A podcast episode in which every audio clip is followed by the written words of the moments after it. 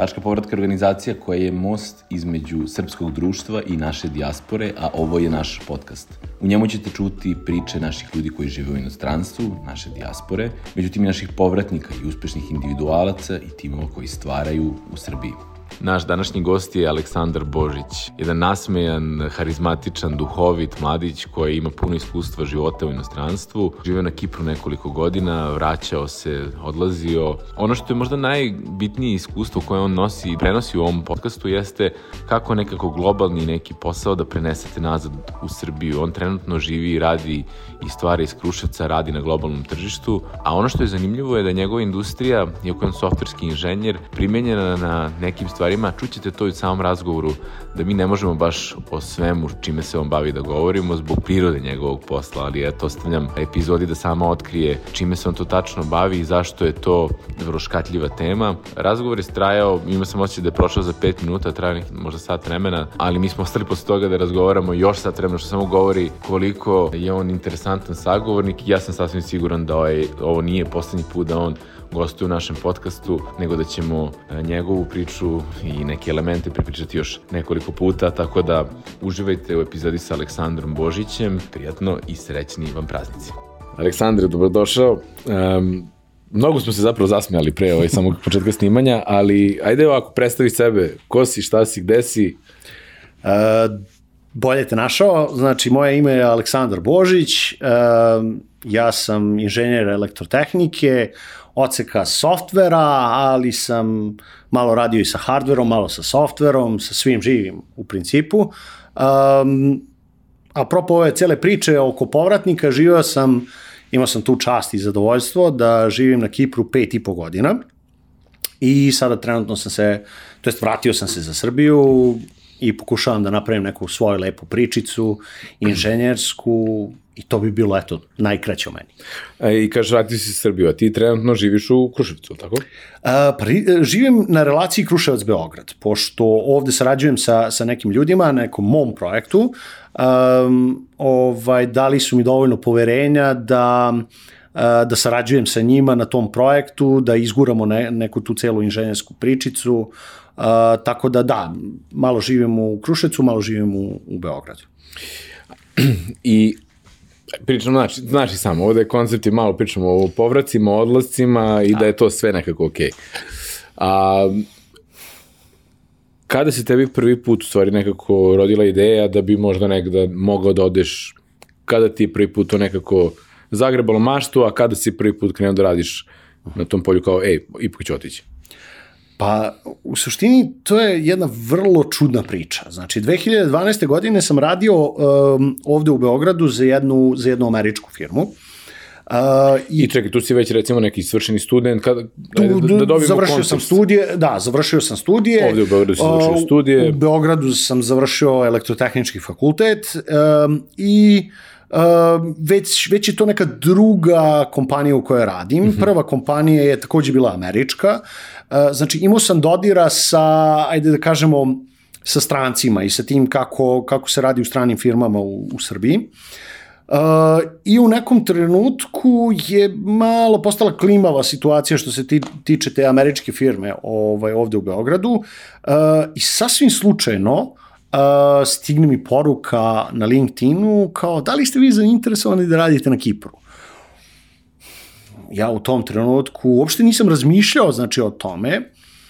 Um, popričam sa tadašnjom devojkom, ona bila u fazonu, ja, ja kažem, izvini, ali o, bi možda bio problem nekako sa našom vezom, jel tebi to ok, ona bila u fazonu, dečko da mi radi na Kipru, yes, kao ok. Čekaj, dečko da mi radi da idem sa njim ili dečko e, da, ode? dečko da radi na Kipru i ona da ide sa mnom, o tome se radi, tako da je pa ona došla sa mnom na Kipar. I ovaj, užasno je se svidela ideja i ok, ja rekao, ajde da vidim kako to sve izgleda. I onda je bio jedan intervju, drugi, treći, četiri tehnička intervjua, jedan HR uh, intervju koje je trebalo da pokaže... Samo da zaustavim, mm -hmm. da, da bi te pitao, da bismo do, opet nekako došli do tog konteksta. Kako mm -hmm. neko sa fakulteta dobija taj neki posao u nekoj američkoj firmi, da bismo čekako nekako celu trijaktoriju ispratili? Mm -hmm. E, to je zanimljiva stvar. Ono što se njima strašno svidelo kod mene jeste to što um, ok, završio sam studije, ali nisam stao da usavršavam samog sebe. Uh, nego sam recimo krenuo da, da radim na nekim kursevima znači upisivo kurseve na, na čuvenoj Courseri. Uh -huh. I jedan od kurseva je bio recimo machine learning, artificial intelligence. A to je 2011. 2011, tako, da, 2010. 2011. godina i njima se to izgleda strašno svidelo. Dobro, da si znači, ti nekako neko ko ima neko, da kažemo, formalno znanje, ali nekako uh -huh. neko neformalno znanje ste, koje si sticao samo od sebe. Samo od sebe, upravo to. I njima se baš svidelo to što očigledno imam neku inicijativu da, da učim da učim i dalje neke stvari. I, ovaj, I pretpostavljam da je to razlog bio zbog kog su baš mene kon kontaktirali. I nakon eto tih četiri intervjua, znači to je, to je, to je bilo toliko brzo da sam ja bio u, u, u kompletnom šoku. Uh, E, gde recimo nakon mesec dana ja već imam ponudu da dođem tamo da radim i živim. Uh, kao šta sad? um, sad ću da ti postavim jedno pitanje. Ajde. Ušto volim kada mi neko vrlo, vrlo pitanje. lepa, vrlo lepa ovaj, pitalica, a u stvari u isto vreme i zagonetka. Kaže, koja je najviša planina u Srbiji? Mm, pa to nije na Koponiku Pančić vrh nije? Mm, nije. Ne, ne, nema veze sa tim. Trik je pitanje. Ko je, aha. Trik je pitanje. Kućni o. prag. Najviša planina u Srbiji je kućni prag.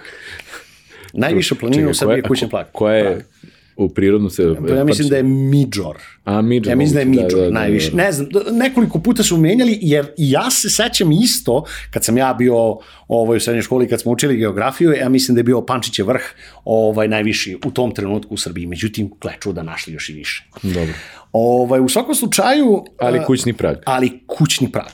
I ja sam dosta vezan za, za, za moju porodicu. Znači, ja, ja moje matorce obožavam. Ajde, porodica, onda je, koliko vas je? Koliko nas je? U tom trenutku je bila i pokojna baka sa nama. Uh -huh. uh, mama, tata i, i moj rođeni brat, mlađi. Uh -huh. Uh, I oni su ovako jedna strašno zabavna gomila, je, znaš. Znači, jednostavno, svaki dan je sa njima strašno zabavan, strašno um, sadržajan. Da, u nekom trenutku možemo da se posvađamo, u nekom trenutku možemo da volimo jedni i druge neverovatno, ali strašno sadržani ljudi, o tome se radi. Emocije na sve strane. Mm -hmm. I mm, meni nije bio problem nikada da se osamostalim. Znači, ja sam, ja sam došao u Beograd da studiram, uh, studirao sam, gle čuda, 8 i po godina, ovaj, nisam A. baš bio dobar student. U nekom trenutku sam otkrio alkohol i, i devojčice i to je onda malo uticalo. Vodilo putem prave stramputice. da, apsolutno. A, tako da studirao sam 8 i po godina i jel te tih 8 i po godina sam ostao u, u Beogradu. Sve, sve ukupno kad se sakupio u Beogradu sam živeo pa sigurno jedno 15-20 godina. A, jel te, pošto nisam mlad. I um, I onda, kad sve to tako sakupiš da na neki način jesam bio samostalan, uh, ali opet vezan malo za svoju porodicu, nije mi baš bilo sve jedno kad sam otišao, kad sam otišao tamo da živim. Uh, na svu sreću imao sam podršku i tadašnje devojke koja je isto uh, krenula sa mnom i mi smo živeli jedno vreme zajedno ovaj, na početku tog mog putešestvija živjeli smo zajedno na Kipru. I to mi je mnogo olakšalo. Limassol? Limassol, jeste. Mm -hmm. Najveća luka Kipra i drugi najveći grad, mada sad ima tendenciju da postane i najveći mm -hmm. grad. Onako jedno prelepo mestašce, urbano, sa nekim fantastičnim duhom, sa puno mesta ovaj, za izlazak. Znači, to je gradić od nekih, ajde sad da kažemo, ja mislim da sad ima oko četvrt miliona, mhm. ali u tom trenutku kad sam ja tamo da. bio, imao je negde oko 180 hiljada do 200 hiljada. Mm. Onda je došla gomila Rusa i sad recimo mm. imaju užasno jak expat, ruski expat ko, mm. kod njih. Bio sam pre dva meseca. Bio si, ozbiljno? Da, u oktobru. S I? majkom. O, vrlo lepo. Moja majka 10 godina ide na Kipar ovaj, i, i ove godine rekla, ajde ideš sa mnom i ja, ona ja nismo 15 godina nigde bili zajedno. Aha. Tako dugo, bi odemo to vikend vamo tamo, uvek je neko tu, ali ovo smo i ona i ja sami sedam dana i bili smo, bio sam u Limassol. Prvi put na Kipru zapravo. Kako ti se svidao? Uh, vidi, Um, pošto smo prvo bili nešto malo negde na, skroz na samom uh, istoku, uh Mhm. -huh. potpuno kao izolovano, kao bili smo par dana, to neki hotel, nigde, ništa, samo To kupanje i to. protaras možda? Pored, znači, pro, pored Protarasa neko, neko, recimo, sad ću pogrešiti, ali recimo Protakalo, neko selo koje je pored Protarasa, Mhm. Da, znači da, tako da, nešto. Da. I onda renta kar smo uzeli i išli okolo i onda smo u posljednje tri dana bili u Limasolu i onda je to stvarno bio taj neki pravi vibe. Ono. Ima taj moment i evropskog i mediteranskog i, i grčkog i antičkog i stvarno se sve nekako prožima u jednom mestu. Mislim baš konkretno za, za, Za Limasol. Limasol. Da. Super iskustvo. I mislim, pritom oktobar, uh, ono, ovde je neko, ono, neki mordor od vremena, razumeš, ono, a, a tamo tamo, tipa 30 35 stepeni, stepeni, more da. 27, lagana priča, znam. Da. Tako da, da, ali pritom je bilo i tako, možda, možda sam ja tu malo emotivniji, jer opet je bilo i e, prvi put sa majkom posle toliko vremena da samo ona i ja, jedan, ono, niko drugi to nije bio to, tako da to onako, onako lepo, lepo iskustvo, tako da ali mimo toga mogu sam da primetim sve to o čemu govoriš da je jedno malo svetsko mesto. Da, da. Mnogo može da, po, uh, da ponudi i iskren da budem, dobro, vratit ćemo se na to, ovaj, jednom prilikom kad sam bio u Americi, uh, nisam ja jedini koji je konstatovao, ovaj, jedva čekam da se vratim kući. Uh -huh. U tom trenutku u mojoj glavi kuća je bila na Kipru. Da. O tome se radi. Uh -huh. Znači nekako mnogo prisno, lepo mestašce.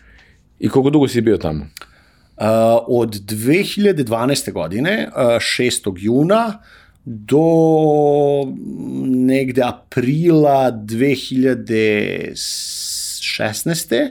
Znači neki, hajde da kažemo, četiri godine tu i onda sam se ponovo ovaj, vratio na Kipar negde 2017. i bio do 2019. godine. Šta si radio tih prvih četiri godine? Šta sam radio tih prvih četiri godine? Uf, dobro pitanje, ali ne smem puno da ti pričam o tome. U onoj meri u kojoj možeš. Dobro.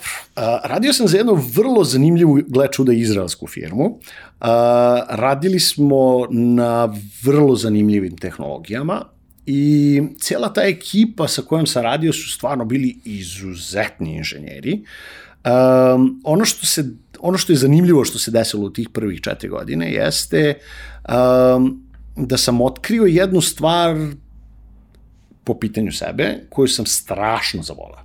A to je da nisam loš u takmičenjima.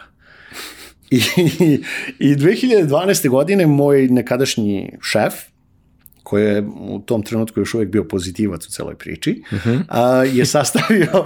sastavio Znači, moraš jednu, da kompletiraš sa kad je postao negativac. kompletirat ću i to. Ove, je sastavio uh, uh, jednu sjajnu ekipicu ljudi sa posla. Uh, znači, prvi Ajde, put... pošto znam da ne mogu puno da te navodim, Aha.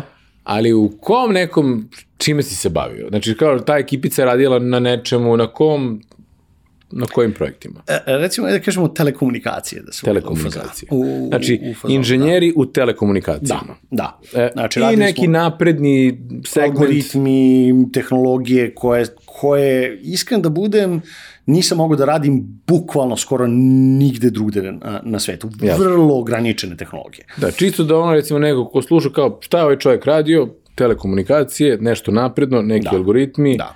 i kao neka je super ekipa, super smart, koja se kao fokusirala na nešto i time se bavi. Da, Ok. da, da.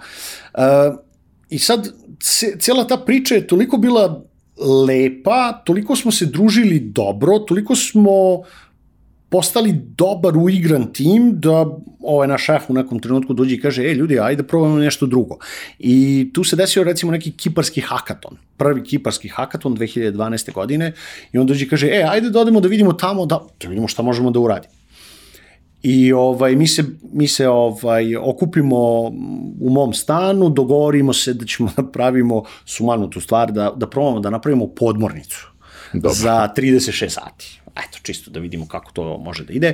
I gle čuda, mi napravimo zaista jedan model koji je za to vreme 2012. godine bio na, na onom Raspberry Pi u maloj tehnolo, na toj tehnologijici, pa mm -hmm. mobilni telefon streamovao video sa male kamerice, pa smo upravljali sa, uh, ovaj, uh, sa onim V kontrolerom, ovaj, celom tom Sve za kamerom. 36 sati. 36 sati. Znači, Koliko vas? Nas osmorica. Znači, prosto neverovatno šta osam ludaka može da uradi za manje od dva dana. To je neverovatno. Ne spavaš, bukvalno ne spavaš dva dana i nakon dva dana dođeš i kažeš, au, šta bi ovo? I mi pobedimo na tom, na tom kiparskom prvom hakatonu. Je li podmornica potonula? Nismo smeli, nismo smeli da je pustimo zato što nismo uspeli da zatvorimo to kućište baš najbolje. Aha, okej, okej. Ali smo imali testiranje tih nekih motora i to je bilo sumanuto u toaletu univerziteta Limassol, mislim, nemaš da veruješ. O, onako, uh, uh, motor, uh, fen od, uh, kompjuterski fen, Dobro. koji Onaj hladnjak. da, najubičniji onaj Što hladi hard disk. Da, uh, ne, ne, ne hard disk, on je na zadnjem delu kuće. Da, okej, da. E. Dobro. Ja sam imao ideju da uzmemo i da isprskamo to auto lako, da voda ne bi ušla unutra. Aha. I mi smo to grešnici prskali jedno 3-4 sata, znači isprskaš pa onda okreneš dva, dva kruga ovako da se ne zalepi to, jel te? Pa onda isprskaš ponovo i svi su mislili da sam kompletno lud. Međutim, posle određenog vremena mi odemo, ovaj, Adrian i ja kao treba ovo da testiramo. A ko je Adrian? Adrian je jedan moj super prijatelj, jedan od najboljih inženjera koje sam upoznao, uh, Rumun, uh, neverovatan lik. Za, mm -hmm. Zaista neverovatan lik. Posle, posle on bio i u nas i sa nama i tako To dalje. ćemo se, ajde da se tu, da E. se tu držimo Adrianu, prskaš tim auto lakom, šta se dešava, ideš sa njim, Kaže on, ajde da testiramo ovo. dobro? Rekao, ajde da testiramo. Mi odemo, ovaj, kaže, vidi ovako, ako mi prespojimo ovu bateriju, ona je baterija za drona, uh -huh. koja ima neku sumanutu količinu energije spakovanu u nju, ako mi ovo kratko spojimo, ti shvataš da ovo može da eksplodira vrlo nezgodno. Sad nas dvojice se pogledamo onako šta ćemo, gde ćemo, treba nam voda, treba nam da bude koliko toliko sigurno da ne napravimo neku veliku štetu, toalet uh, univerziteta ovaj Molim te mi reci da eksplodira toalet. Nije, nije, nije, nije, nije, nije, imali smo sreće. Ti možda pojmiš petorice ljudi stoje onako, nas dvojice koji smo razvukli onako jedno dva metra kabla, baterija stoji u jednom ćošku toaleta, ljudi se smeju, Ti stavljaš druge naučare preko naučara, šta? Pa kakvi naočari, ne, ma kakvi, ono, to je ba Balkan style, koja je zaštita, Da, brate, ono, ovako. e, kao staneš ovako i to je to. I sad ja potopio ono, uh, zapušili ovaj, uh, uh, zapušili sudoperu, odnosno umivaonik, je, znaš, umivaonik, ne sudoperu, napunili vodom i sad ja stavio ono čudo, taj, taj, taj ventilator stavio u vodu i izvukli smo ovako dva, dva kabića. I samo vidiš Adriana koji ovako spoji, okrenuo, pogledamo ovako, a ono vidimo kako se ono čudo vrti, on kaže čoveče, ovo stvarno radi. Tako da da, imali smo, imali smo te gomilu takvih nenormalnih, ludačkih eksperimenata koji Znači, su to je sad, radili. opet, da nekako kontekstualizujemo. Vi radite nešto na čemu radite, a sad ono kao u svoje slobodno vreme idete na taj neki hakaton gde kao u fazonu rešavate. Koja je bila tema hakatona? Samo napravi nešto što, što je impresivno. Ajde vidimo Dobro, šta će ljudi da napravi. tehnološko, nešto Da, kao da, naučni da, hakaton. da, I vi tu pobedite. Da. Dobro. I, uh, ali to je sve vreme neka serija eksperimenata u 30, 48 sati, koliko? Da, već, a? da.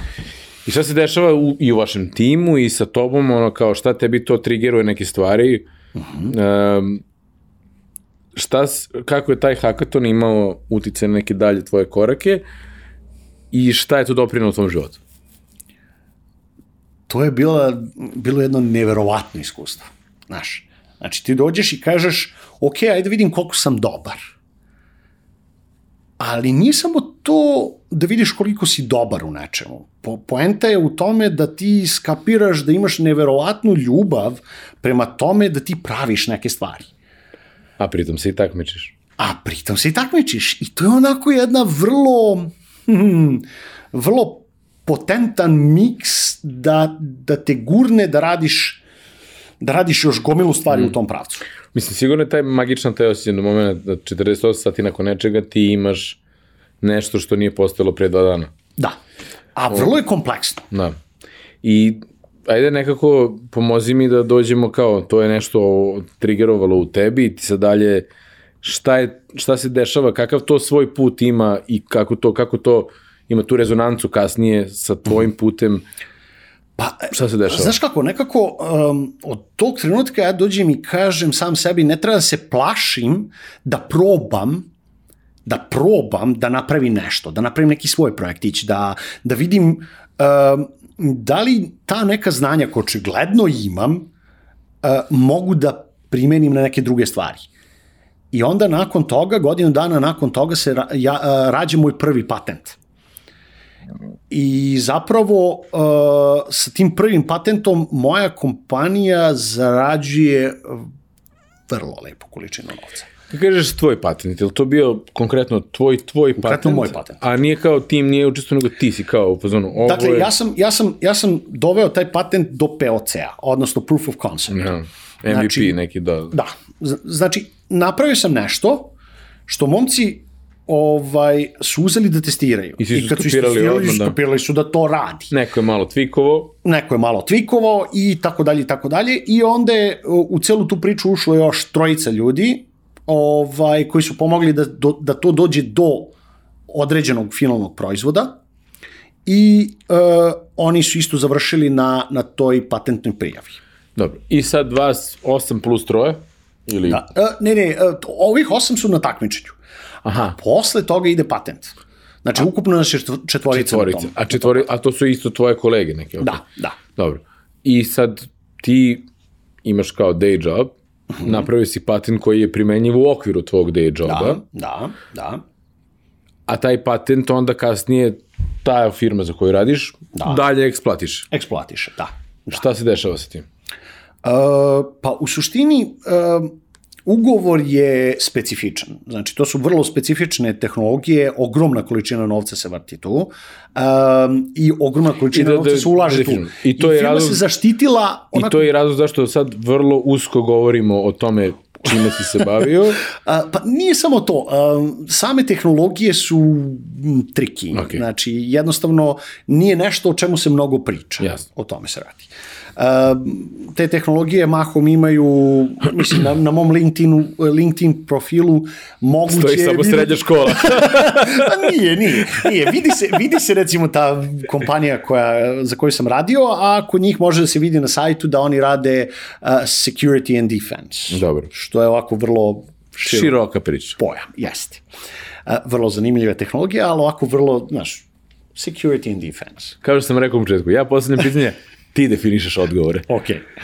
Um, I jednostavno, znači, taj patent uh, ja nisam imao, uh, nisam imao Prava na njih. prava na njega. Znači, ja sam autor, property- ali da, International, znači intelektualna svojina je bila deo, pripada tako da. da.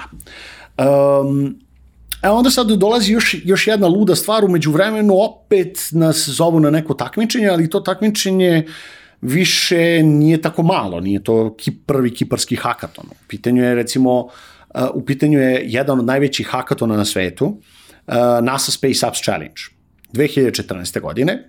Odlazi ista ekipa, NASA kako? NASA Space Apps Challenge. Dobro, Space Up Challenge. Da, i, jedan i, od najvećih hakatona na svetu, i, današnjice. Mi odlazimo tu i ne uradimo ništa.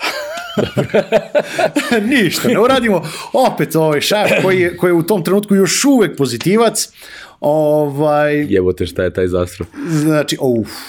Dobro, hajde. A, da, ja imam oštar jezik, tako da nije Neka, to baš neka, ovde se, ovde se sve može.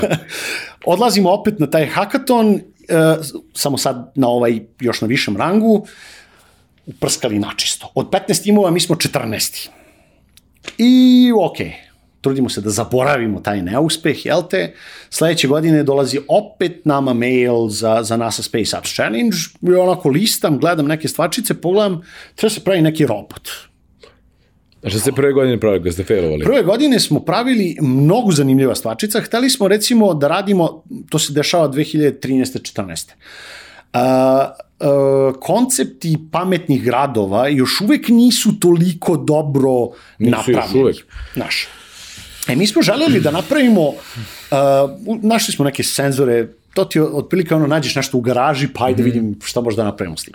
Znači, to je neki Internet of Things connected na 500 načina i onda dobijaš jednu I on ti govori mrežu. recimo o zagađenju u gradu, da. to ti je povezano sa tvojim smartwatchem, sa nekim naočaricama koje imaju augmented reality. O tome smo već tad razmišljali bili. Uh, međutim, to, imali smo toliko problema sa tim senzorima da je to katastrofalno otišlo, nismo uspeli da uradimo ni, ni, ni 10% stvari koje smo planirali.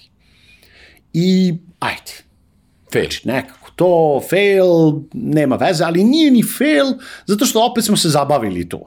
Očekivali smo da će to mnogo dešava? bolje. Gde se taj hackathon dešava? A, taj hackathon se dešava u prostorijama Tepaka. A, Tepak je tehnički univerzitet, e, tehnički fakulteti univerziteta u Limasolu. Mm -hmm. Uh, uh, imaju fantastičnu stvar. To je ono što mi se svidelo strašno kod njih, jeste uh, da, što su užasnu kol- količinu novca uložili u svoje univerzitete.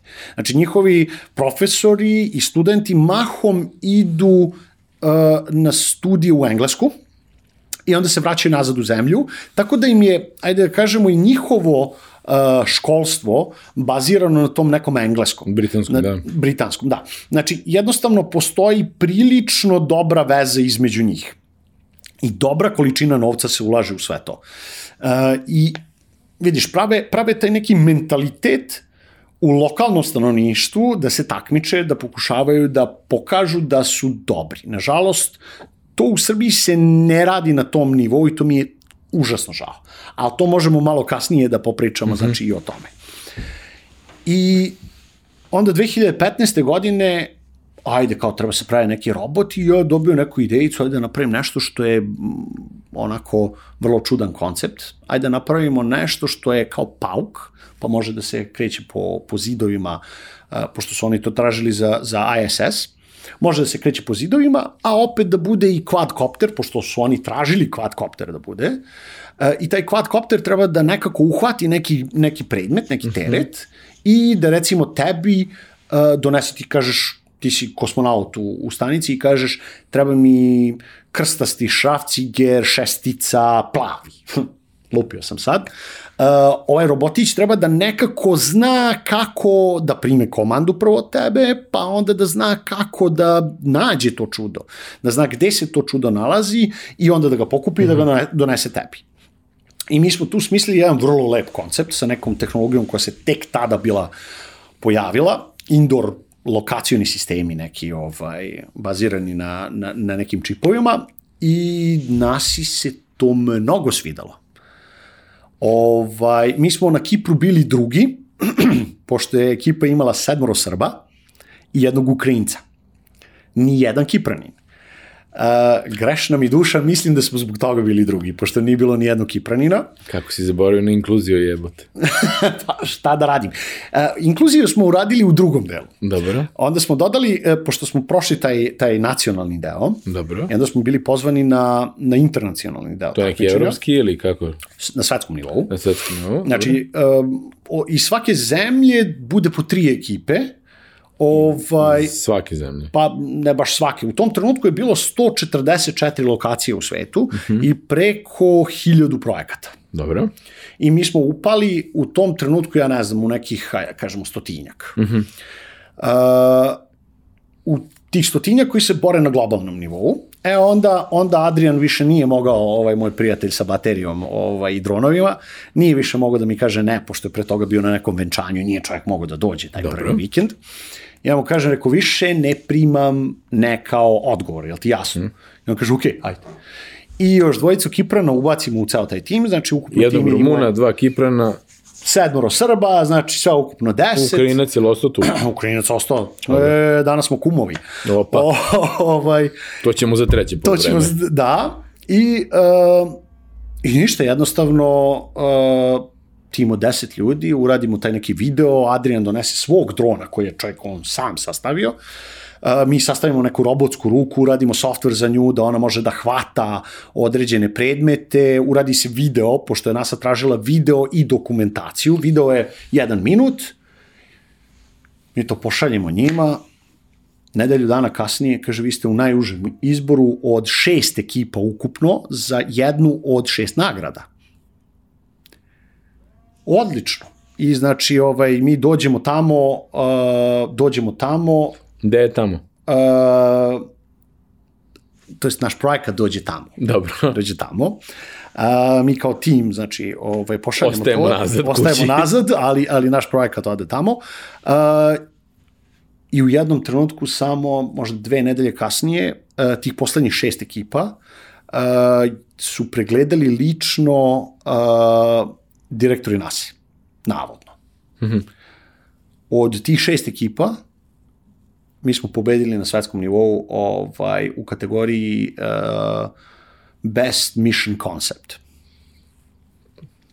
NASA je od svega toga uzela recimo i na nekim našim idejama uh, napravila takozvani današnji NASA Realms projekat. Mm -hmm. Što smo, je? Um, Za nas koji nemamo pojma šta je. Dakle, dakle, šta su oni radili? Um, kad ne, ne, šta, je, šta je taj Realms Pro? Sad, sad, A, sad ću okay. ti objasniti. Um, znači, imaš raketu koja se dokuje na, na stanicu. Dobro. I ti sad krećeš da vadiš stvari iz te rakete. Uh, na kraju te stvari završe svuda u stanici. Znači, nekako mora da se vodi inventoring, da se zna gde je šta. Oni su to ranije, uh, ranije radili nikako. Napišu mm. ljudi, eto, to stiglo. spisak, stiglo i posle to završi, Boga pite gde. Pa su u jednom trenutku krenuli na one QR kodove, mm -hmm. znaš, i onda imaju čitač QR kodova ili, ili onih bar kodova i onda pročitaju i to negde uđe u neku bazu podataka, čega već. Mi smo predložili da na svakom od, od choking pointa između modula, jer stanica je sastavljena od gomile modula, svaki modul, modul uh, ima neko ime po nekom naučniku i tako dalje i tako dalje. Uh, na svakom airlocku da se postave recimo uh, čitači uh, RFID-a. Dobro. I NASA Realms projekat zapravo radi inventoring preko čitanja RFID-eva. Znači oni sada imaju mnogo veću granulaciju da znaju gde se taj šrafciger nalazi, a to je nama zapravo trebalo u našem projektu. Mm -hmm. I konceptualno mi smo bili među prvima koji su to rešili. Njima se to strašno svidelo, ne samo zbog robotića, mi smo išli ono kao an extra mile. Da. I znači, i sada taj neki kao koncept koji ste vi primenili na tom nekom hakatonu je sada primenjen u okviru nas. Da. Svaka čast. Um, I šta to znači? Dobili ste tu nagradu, šta to značilo za tebe, za vas? Donalo mi samo nevolje. Dobro. Donalo mi samo nevolje na poslu. Um, znači, ne dugo posle toga, uh, ja sam bio nominovan za svetsku tehnološku nagradu. Od koga? Uh, od strane nekoga. Ja i dan danas ne znam ko je, ko, Čekaj, ko me je nominovan. Ko je, ko je dodelilac te nagrade? Uh, svetska tehnološka mreža. Koja je neko eminentno telo. Telo, to. upravo to. Zanimljiva stvar je, recimo da je e, istu nagradu za koju sam ja bio nominovan, uh, nju je dobio Elon Musk. Dobro. Možda 4-5 godina pre toga. Uh, Jebeno društvo. Vrlo, da, vrlo lepo društvo u kom sam bio.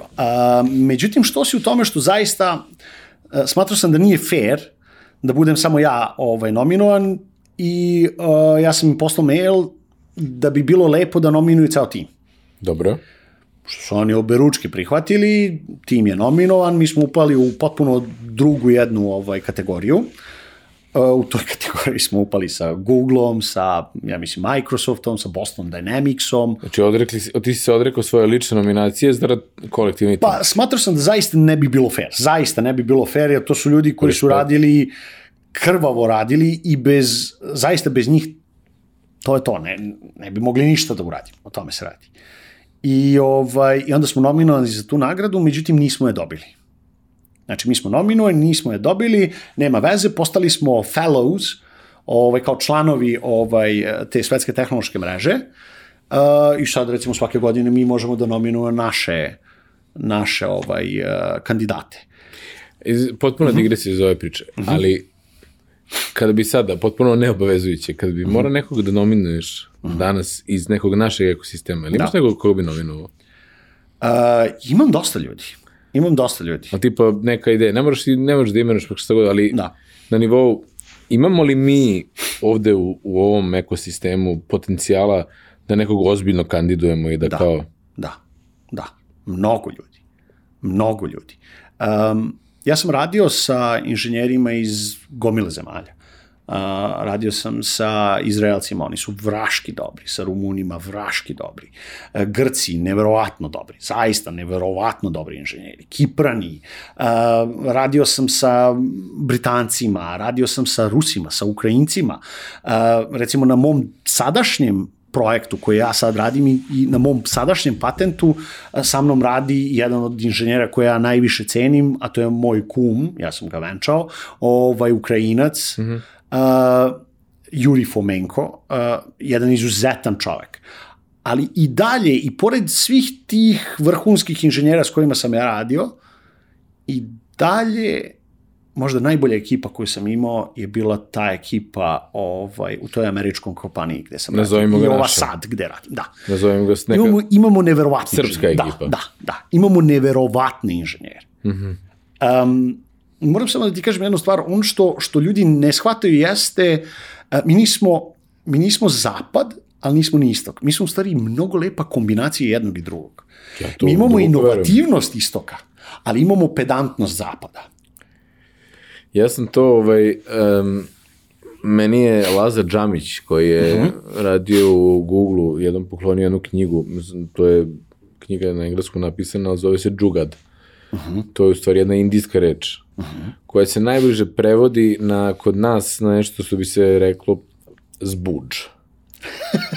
znači, taj moment zbuđa koji mi imamo, koji je moment inventivnosti da tipa, u toj knjizi se pominje kako je neki indijac napravio frižider u nekoj, ono, nekoj zabiti, bez električne energije, ali koristeći nešto air current, taj ono, pa onda plus nešto termička izolacija gline, napravi da ti bukvalno usred 40 stepeni otvoriš vrata glinena, da razumeš, od frižidera i bude 8 stepeni. A nema ni struje, nema freona, nema ničega. I sad govori da je to ta inventivnost koju mi imamo, sa jedne strane da ga zbuđiš, sve, Da, znači da smisliš, apsolutno lepo rečeno. a s druge strane da imamo tu neku što ti kažeš pedantnost, da to da, implementiramo da, na nekom kudikamo sistemskom nivou. Da. Um, ali ajde da se sad nekako, opet smo malo smo napravili neku digresicu mm. i za šta bi bila tvoja preporuka i šta se tu dešava u našem lokalnom ekosistemu. Ali kaže, donalo ti je svega dobrog. Šta se dešava? u kompaniji ti je donalo svega dobrog ta neka nominacija, pa timska nominacija. Da. Šta se dalje dešava? To je 2014. 15. dalje sa tobom. Pa šef postaje negativac i Evo ga, ovaj došli da, smo. da, šef postaje negativac, ovaj pošto ja ja imam problem sa tim da da imam vrlo oštar jezik i da kažem ono što mislim. Mm. -hmm. O tome se radi. Uh, I nakon četiri godine nisam bio zadovoljan sa, tim, sa, sa tretmanom u, u kompaniji, uh, jer se mnogo stvari desilo koje nisu, smatram, bile fair prema meni. I, i ovaj, malo sam se razočarao zato što sam mislio da, da je kompanija malo drugačija. Međutim, onda skapiraš da nema veze to sa, nema veze sa zemljom. Mm -hmm. uh, svuda se takve stvari dešavaju, o tome se radi. Uh, I onda sam nakon četiri godine, nakon patenta koji sam uradio za tu firmu, nakon tih nagrada i svega ostalog, bio otpušten. Otpušten. Da. Ni pet, ni šest, otpušten.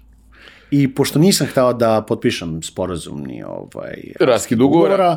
proglašen sam bio za tehnološki, Tehnički- tehnološki višak. Upravo to. Uh, ništa, vratim se ja nazad za Srbiju i stvari krenu... A čekaj, da te pitam, uh -huh. pošto znam da si sad iz drugog momenta, sad kad si se vratio u Srbiju je iz druge neke emocije, ali kako si se osjećao tada kad si se vraćao? Užasno. Kako poraženo, šta? Užasno. Jednostavno mislio sam uh, da toliko nepravde ima u svetu da je to neverovatno. Znaš, ono, daš, daš četiri godine svog života, um, Najbolji godina. E, najbolji godina, apsolutno, apsolutno najbolji godina. Provodiš u firmi uh, po desetak do 15 do 16 sati dnevno, bukvalno se dešavalo, 16 sati dnevno da, da provedem. E, Većina mojih kolega ovde i bilo gde u svetu će to razumeti.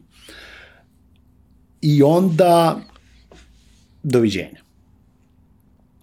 Ja se vraćam u Srbiju, ovaj, nisam to, nisam to podnao dobro. Nisam to podnao dobro.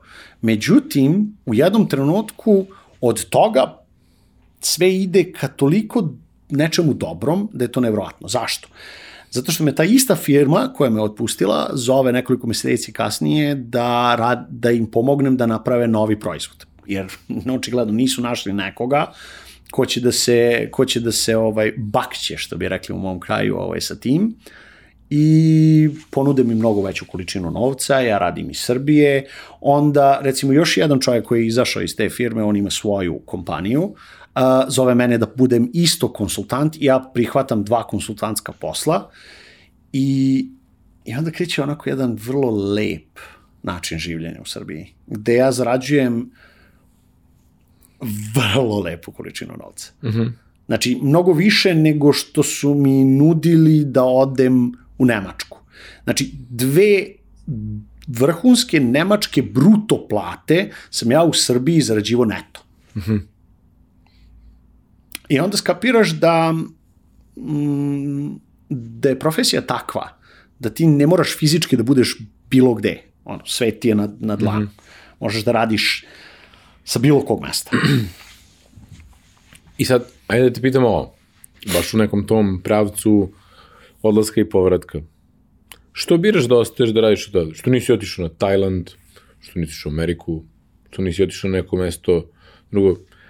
Mislim, ja znam odgovor na pitanje što je za mene, ali ja te pitam.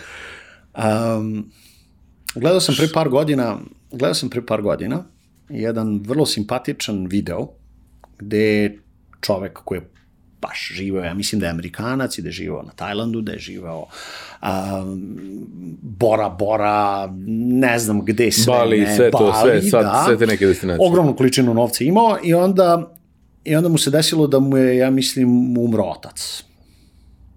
I onda on dođe i krene da, da radi jednu prostu računicu. Kaže, prosečan život muškarca je toliki i toliki, moj otac je mene dobio sa toliko i toliko, um, ja sam se vratio sa toliko i toliko, znači mi smo imali toliko i toliko vremena potencijalnog da provedemo zajedno. I mene je to užasno pogodilo. Užasno me pogodilo. Jer se ovo vezuje sa tvojom o tvojim odnosom sa porodicom da, koja je ja sam zaista sadržajna porodica. Da, da.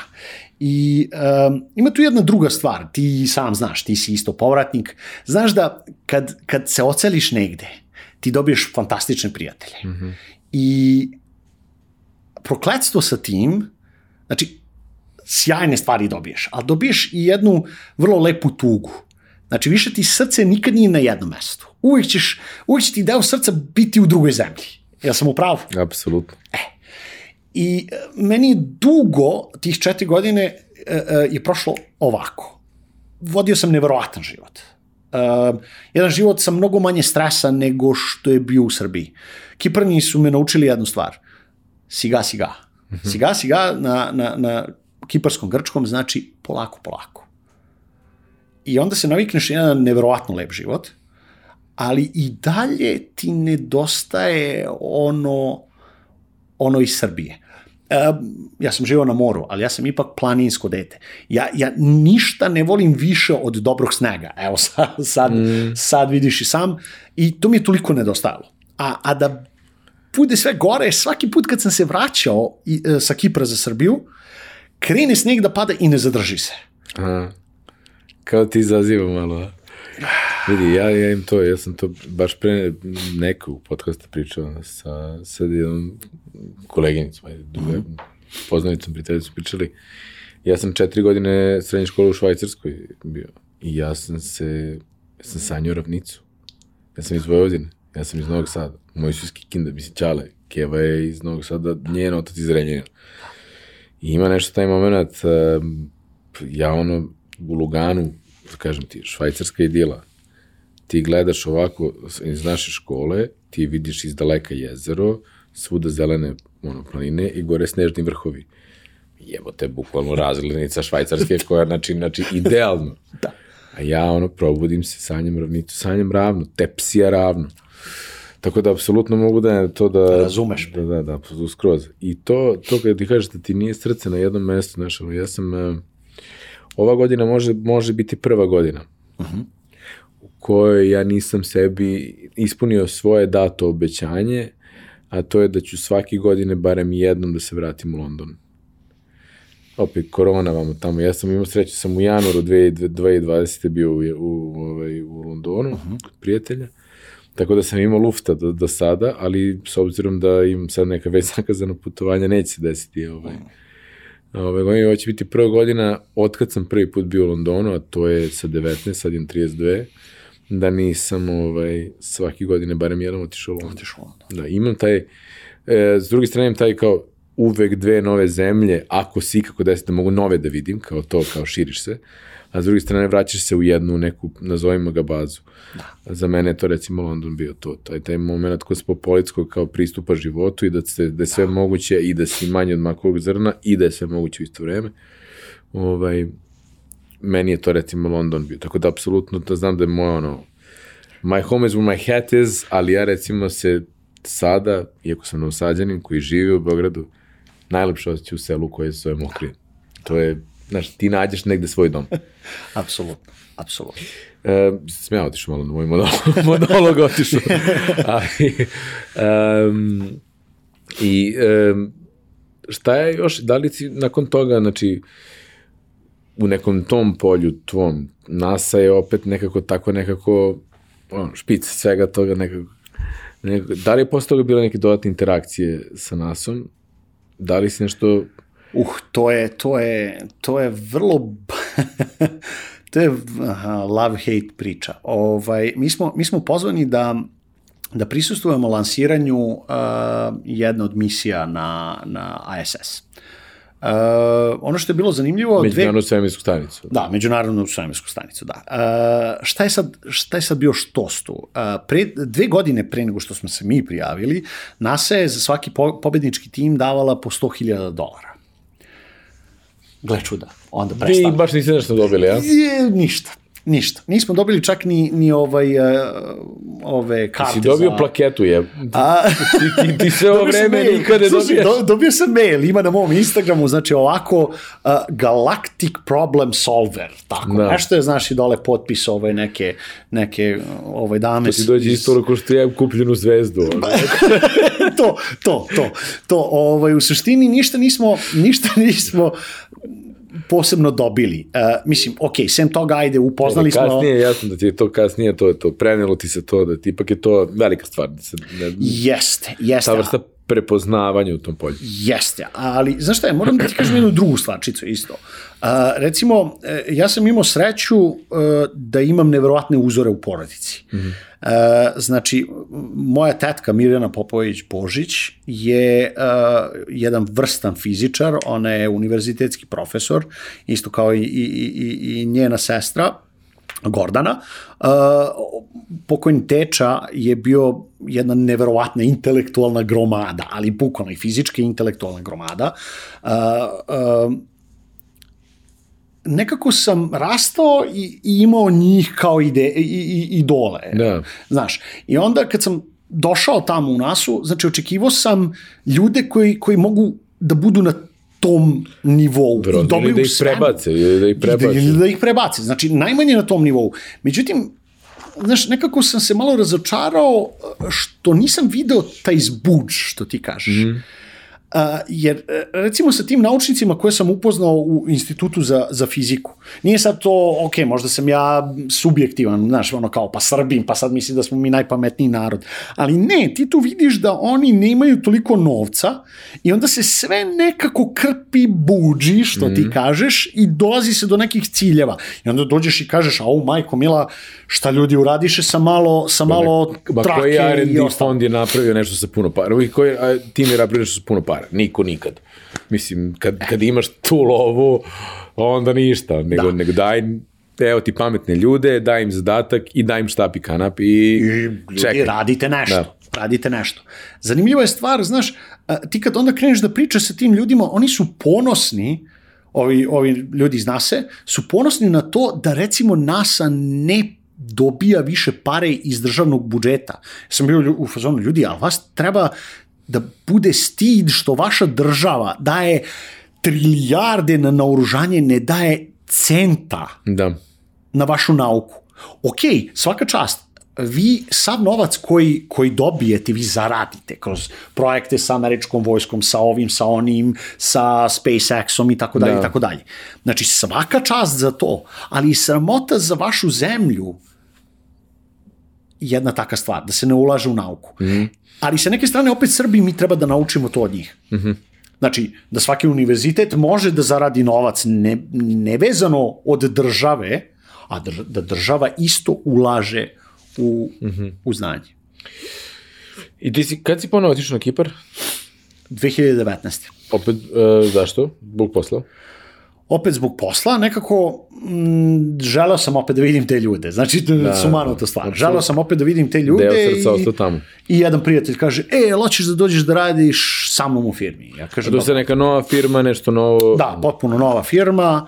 Um, ja umeđu vremenu sam ponovo krenuo da radim na nekim malim patentima, ali te patente ne mogu da prodam nigde. Ne mogu nigde ništa da uradim sa njima, jer su to takve tehnologije gde je ograničen pristup tim Ne možeš ti na Kickstarteru da ga, ga, da ga rokiš. ja, ja to na Kickstarter gotovo, neko bi me možda uhapsio za tako nešto. Debre, slud. Ovaj, tako da... Ljudi, imam ideju. imam ideju. Ja sam smislio ovako i to do detalja onako napišem i svašta bi tu bilo. Um, ja sam mislio da to mogu nekako da kroz saradnju sa mojom nekadašnjom firmom mm -hmm. ili konkurentskim firmama, uh, pošto je prošlo dovoljno vremena i imao sam pravo da jel te radim dalje na nekim patentima, Ja imao si neki non-compete, jel da? mm, imao sam vrlo zeznut. Pretpostavljam, dobro. A, ali problem u tome što ta industrija tako radi da uh, uh, non-competitors između tebe i mene uh, može neki ugovor da prođe, ali ti ja imamo sporazum. Ako je neko prilično, ajde da kažemo, strateški bitan za neke stvari, ti ćeš meni da obećaš da nećeš da uzmeš tu osobu, ali neću ni ja tebi. To je neki ugovor, kao Da. ne, nepisano pravilo o nenapadanju. Da, da. I onog trenutka kad sam ja bio otpušten tamo, pitanje je da li bi ja tako lako mogao da nađem bilo gde u toj industriji ponovo posao.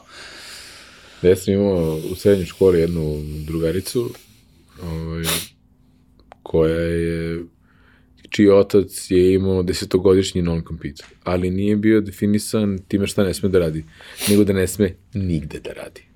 Ali imao sigurno zlatni padobran onaj i tako to. E, vidiš, ja to nisam. I ono bilo fazonu kao šta ti, i posle smo saznali da je ono bila ozbiljna priča koja je bila usmerena u vrlo delikatnom pravcu. Evo. Um, I dobro, ti si sad ponovo za drugu kompaniju, razvijaš svoj patent, vraćaš se u Srbiju kada? 2019. godine. Aha. I um, kako je recimo, potpuno neko kao nepovezano, opet povezano, kako je korona uticala na tvoj posao, i ako ikako? Uh, uh, korona je meni super odgovarala. Jesi mogao da ostaneš ovde? Uh, zato što sam mogao da sedim kod kuće i ovaj radim standardni posao, da. a posle ovaj radnog vremena, jer da se razumemo, treba biti profesionalac, ne možeš da da sediš na dve stolice. Znači Da. ako me neko već plaća za određeni ovaj posao, taj posao ima znači 8 do 10 sati ovaj posvećeno tom poslu, nakon toga je moje lično vreme. Znači nakon toga uzmem i sednem i radim isključivo na svom projektu. I šta može da nam kažeš, recimo, opet, slobodno budi, a, o tom projektu na kom si sam za sebe radio? I šta je, ajde, barem u idealnom smislu, šta je to tebi donalo? Uh, ja mislim da će to tek da mi donese. Dobro. Um, znači, to je jedan proje, projektić koji ima vojne primene. Dobro. Uh, vrlo zanimljiva stvarčica, opet nešto što je u suštini vrlo prosto, a prilično inovativno. Mm -hmm. um, ja sam znao jednu ekipu ovde ljudi od ranije, fantastični ljudi, zaista sjajni, uh, bukvalno vizionari. Oni sami ovaj, proizvode uh, gomilu softverskih rešenja, ne mogu ništa da kažem, nisam pričao sa njima da li, da li mogu da, da, da, da bilo šta kažem o njima, pa neću reći, ali uh, otvoreni su za saradnju sa bilo kim. O tome se radi. Mm -hmm. I ako neko bude želeo nekakvu saradnju, bez problema, znači mogu preko mene nekako da kontaktiraju te ljude Ajde i preko nas. i preko vas, naravno, naravno, apsolutno. Uh, znači, da se napravi e, e, nešto što bi moglo zaista da donese puno toga dobrog još nekome. Mm -hmm. um, Dobro, znači kogod gleda ovo, ima neko tehnološko rešenje u Da bilo ko, da je zanimljivo, inovativno, neka piše nama, ti ćeš biti nas, naš ambasador i ko ne... Apsolutno, to apsolutno. Eto. Znači, vi imate moj kontakt, sarađujemo, sad vidim da smo i prijatelji, vrlo lepo. Popili smo rakiju pre ovoga, kako onda Apsolutno. znamo da jesmo. Apsolutno, apsolutno. I ovaj, uh, dobro, inači ti, ti neki tvoji pređašnji kontakti Da, dovode do toga da je to neki tvoj opening ka nečemu. da, da. Znači, konačno zaista uh, radim na svom izumu sa ljudima koje sam ja izabrao, uh, radeći za sebe i za te moje dobre prijatelje. O tome se radi. I ono što je, ovo je opet nekako na moju vodenicu, ali i to sve radiš iz Srbije. Da, apsolutno. Ali primjena toga je globalna. Apsolutno. I ja, kao neko ko, ko je rekao da najviše voli da provodi vreme u Mukrinu, Aha, ti to možeš da radiš iz Kruševca. mogu. Apsolutno. mogu, mogu. ovaj, I ajde da probamo nekako da budemo, da zagledamo malo u budućnost. Da, Šta to za tebe znači? Gde ti sebe vidiš za recimo pet godina? evo ovako. Jel te vuče neki, neki kipar ili nešto slično ili se vidiš A, negde da Iskren da budem, ja sam malo, ja sam patriota i lokal patriota. Da. Znači, gde mene to vuče? Mene to vuče uh, ka tome da mi imamo jednu vrlo lepu proizvodnju, negde u Kruševcu ili recimo u Beogradu, da imamo razvoj u Kruševcu ili u Beogradu, a, da imamo tim od desetak, 20, 30, 50 inženjera koji će raditi isključivo na tome i imati vrhunske plate, a, ljudi koji će a, ne da razvijaju ne da razvijaju nešto što ajde komercijalna tehnologija. Ovo je u vojnoj tehnologiji koja je ono bleeding edge svake tehnologije, ovo je prilično radikalna stvar. Mm -hmm. I rešava određene probleme koji će se pojaviti tek i koji će biti normalan problem, zaista problem koji mora da se reši, ali tek za pet ili šest ili sedam ili deset godina, ali je taj, taj problem već postoji. Mm -hmm. O tome se radi. A mi ga rešavamo sada na jedan vrlo lep i vrlo inovativan način. Mm -hmm. O tome se radi. I vidiš sebe, znači to vidiš to kao neku tvoju, kao i, i svoju da. ličnu i kao nekako profesionalnu, ovaj, da. dobro. Pošto smo sad nekako već pre kraju, mm -hmm. mislim da smo čak i probili već sad, to, to sad apsolutno nebitno, ovaj, e, imamo dva, dva pitanja koje postavljamo svim gostima. Jedno je, e, koju knjigu si najviše puta poklonio nekome? Kipranima sam Kipranima i Grcima i gomili mojih prijatelja stranaca sam poklonio na Driniću priju. Mm -hmm. Ali, izvini. Jesi dobio feedback od toga? Uh, od dvojici ljudi jesam. I? Zaprepašćeni su bili koliko je srpska, koliko je srpska istorija i tragična i veličanstvena. To je, da, dobro.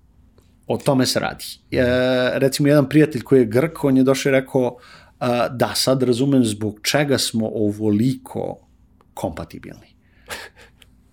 A, ima još jedna knjiga koju sam zapravo, a, ali nisam je poklanjao, više, više sam pričao o njoj kao jednoj svojoj omiljenoj knjizi. E, gledao da sad, sad su krenuli Amerikanci da prave ekranizaciju toga, to je Isak Asimov Zadužbina. Dobro. E, neverovatna knjiga, e, koja gleda toliko daleko u, u, u, u budućnost, čovjek pokušava da nađe rešenje za ljudski problem. Uh -huh. Kako napraviti savršeno društvo? Kako napraviti uh, nešto što će nadživeti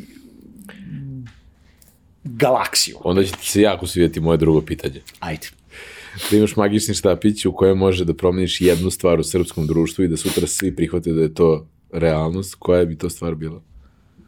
Uh, a uh, uh, ovo ti je dobro pitanje. Uh, ovo ti je odlično pitanje. Vidi, da, stavlja se na zadužbiru. Uh, pa znaš kako, vidi ovako.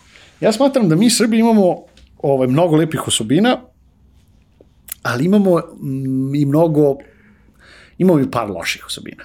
Ja bih, ja bih nekako voleo da mogu tim magičnim štapićem da malo više dam Srbima samopoštovanja. Jer mi smatramo mnogo često da smo da smo mnogo gori nego što jesmo. Mnogo gori nego što jesmo. A nekad i da smo mnogo bolji nego što jesmo. Da, Ja da. to zovem to nekako, to, to ja ponekad kažem to da imamo previše srbocentričan pogled na svet.